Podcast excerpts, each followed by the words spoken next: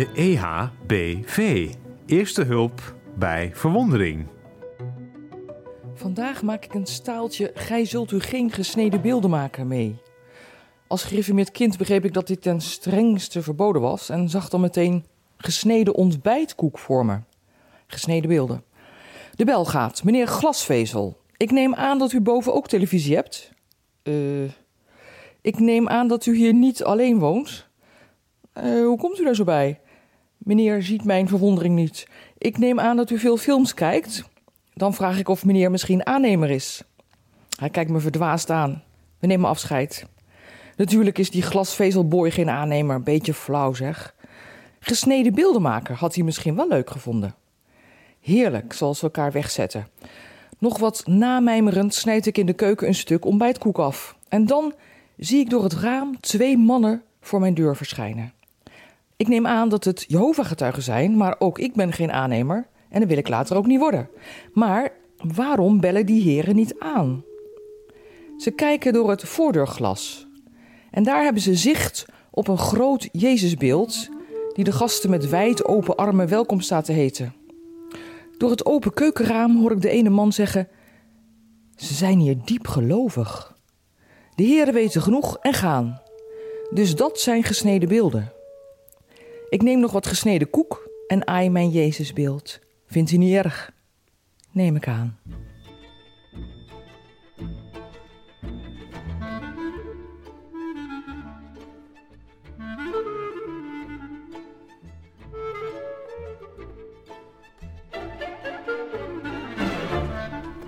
Tja, gesneden beelden.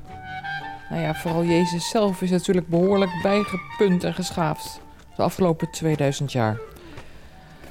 Ik kan me voorstellen dat als het zondag in, zondag uit je vak is om steeds weer wat nieuws over zo'n icoon te moeten melden, dat je daar op een gegeven moment genoeg van krijgt. Nou, zo vergaat het mijn dorpsgenoot Klaas Vos. Voor mij is hij echt de beste preker van dit land, maar hij is onlangs mee gestopt. En volgens Vos is Jezus volkomen onnavolgbaar. Daar gaan onze gesneden beelden. Ik loop Klaas Vos in het dorp tegen het lijf.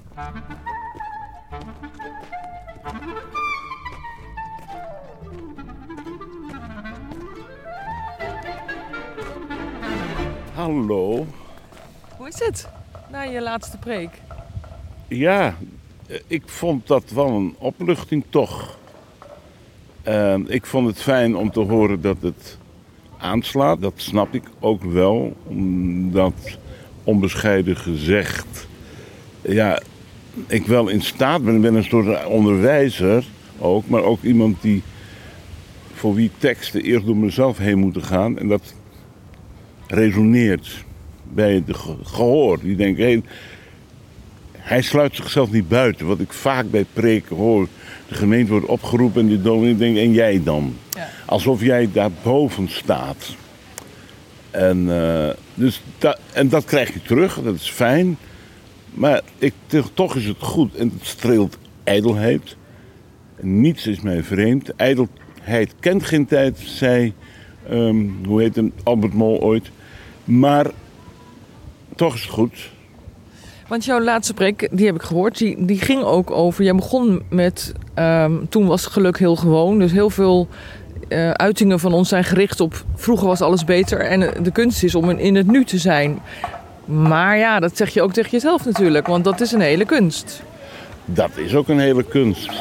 Want dat is inderdaad grappig natuurlijk. Als je steeds zegt, eh, vroeger kon je nog lachen. Hè, ehm, ja, dan is het iedere keer vroeger. Dus in het heden is het blijkbaar wenen. Nou ja, dan ging die preek over die wenende, die huilende Maria van Magdala.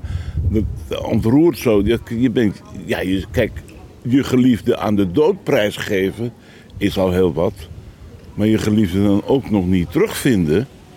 Dat is nog veel erger dat de mensen die nog niet weten, die nog steeds hun kind missen.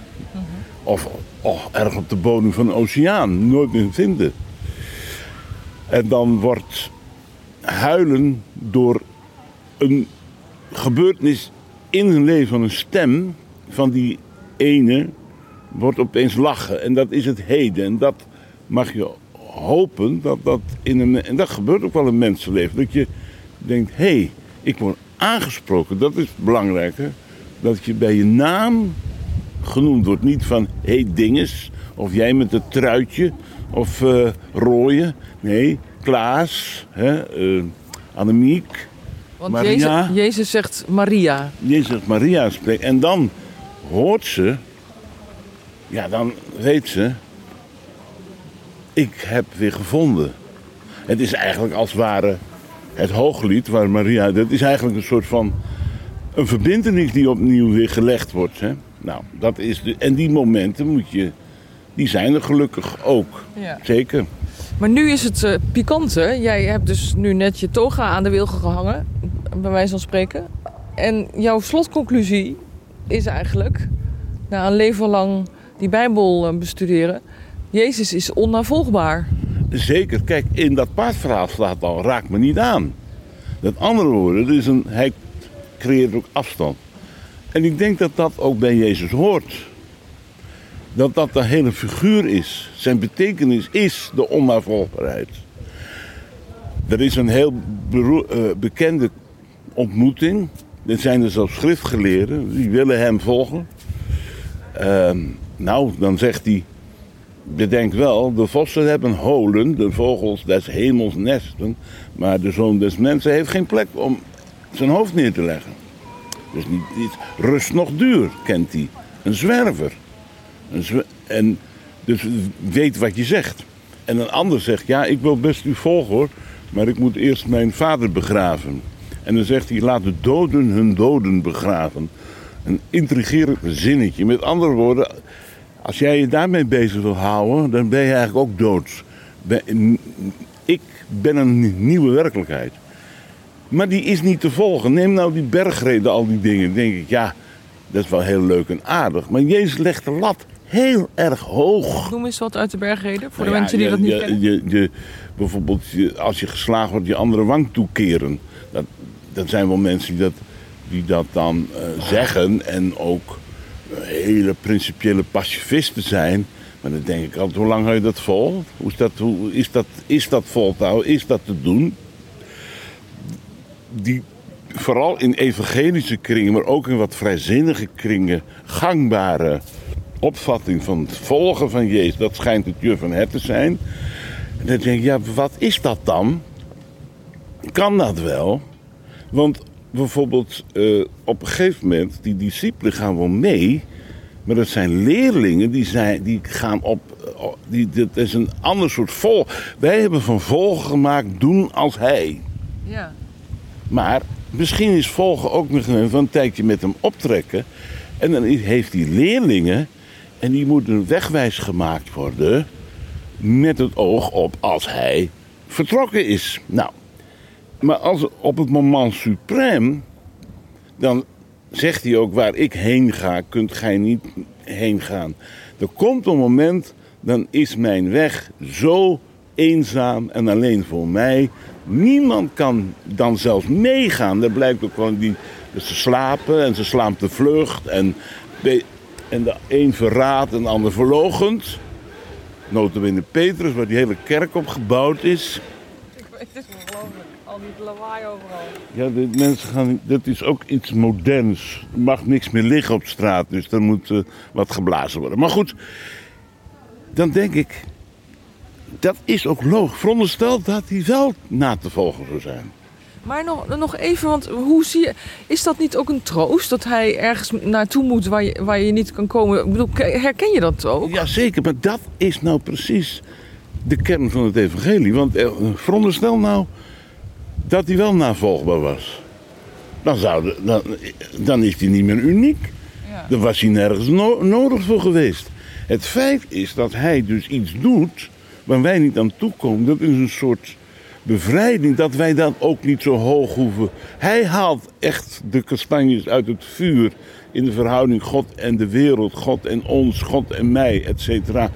Waardoor ik toch vrij kan ademhalen en niet die last van die navolging hoeft mee te dragen. Dan gaan de mensen zeggen, ja, maar je moet toch wat doen?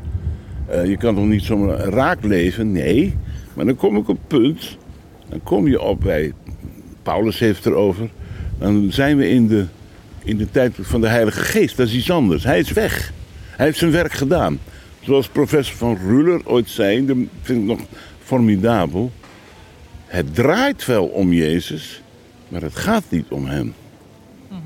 Hij is een soort scharnierpunt, een draaipunt, zo'n beetje een deur. Als je bij de HEMA binnenkomt, zo'n draaideur van buiten binnen en van binnen buiten. Ja.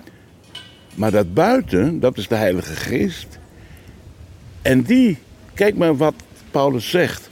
Zachtmoedigheid, dat is ook allemaal een hele klus. Maar dat zijn eigenlijk veel meer eh, bereikbare doelen. En dat komt overeen volgens mij met het Oude Testament. Die Torah, dan ga je, en dan moet je ook nog heel wat op studeren. Er Nog heel wat, eh, dat is gewoon de terugkeer, vind ik, van het Oude Testament via Paulus. Maar dan in de geest van Jezus. Maar niet Jezus zelf. Dat hoeft volgens mij niet. Bevrijd je alsjeblieft van die Jezuszucht. En ik, ik las ook weer van Zegers. Die vond ook dat de ChristenUnie voor stond om Jezus te volgen. Ik denk, ja, sorry, dat kan helemaal niet. Ja. En het hoeft ook niet. Ja. Gelukkig. Kijk, waarom ik vind dat jij een goede predikheer bent, is omdat je inderdaad voelt dat jij ook eh, het nodig hebt. Eh, maar waar is het nou echt zo concreet dat als jij preekt, dat je daar dan zelf iets aan had en dat dat nu wegvalt? Of is dat te één op één? Ehm, dat valt weg in die zin, in de concrete zin. Als ik, want ik inderdaad preek ook voor mezelf. Eh, daarom wil ik ook af en toe, ik kan niet altijd, naar een kerk om weer in die vrijheid gezet te worden, getroost te worden. En dat, die last van de schouders te, eh, te, horen wegnemen en dan ook te ervaren. En ik zoek dan ook eigenlijk liefst mooie liturgie, dat zou meegenomen, A- Anglikaans of zo. Dat kan ook al heel erg helpen, de muziek. Want alle muziek van Bach, maar ook van anderen, dat is al letterlijk verlichtend. Maar er zijn ook nog wel een aantal goede preekheren. M- Mijn vriend en collega Klauw in Baren vind ik heel erg helpend, omdat hij je van die, dat juk verlost van zoveel moeten. Kijk, dat is ook mijn bezwaar, de huidige kerk, terwijl die schreeuwend achteruit gaat. Maar ieder, we moeten gelovig zijn, geloof. En dit, en zus, en acties. Ah, en ik word daar doodmoe van. En ik, volgens mij is het niet nodig. Kerk moet eenvoudiger worden. Ja. En zich concentreren wat ze, eh, waarin ze goed is, in is. De wereld neemt heel veel dingen al over. Je hoeft niet eh, christelijk te pingpongen of, eh, of wat dan ook. Of eh, koffie drinken en zo. Dat, dat, Christelijk te pingpongen. Maar, maar waar is de kerk dan goed in? als het goed is, maar dat is misschien ook haar crisis, in preken. In de schrift. Eh, vieren ook, vieren ook. Vieren, en daar hoort bij, kijk, in die zin kunnen we van de katholieke traditie, Anglikaanse traditie leren. Eh, vieren, zingen, eh, mm, het mysterie, proeven, ook in brood en wijn.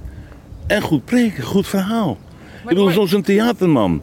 Ja, maar Eh, dan moet het toch ondraaglijk zijn om dat eh, te stoppen terwijl jij een van de weinige bent die dat echt snapt. En Ja, kan. ik wil niet zeggen, dat, dat zeg jij, maar ja, maar ja, ik heb gewoon even, ben even klaar ermee. En misschien komt het weer, als ik de ruimte heb, dan, doe ik- dan doe ik het denk ik wel graag. Maar het is, dat vraag het aan elke cabaretier. Jij kent Herman Vinkers goed, ik heb hem laatst ook mogen ontmoeten.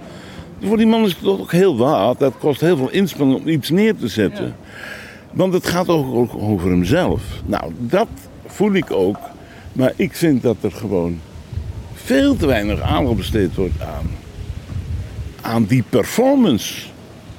Retorisch, inhoudelijk. En sommige preken zijn gewoon een verhandeling. Veronderstel nou dat je naar Herman Vinkers gaat en hij gaat een soort papier van essay voorlezen. Ja. En daar zit af en toe een grap in. Dan denk je, ja, maar daar kom ik toch niet voor?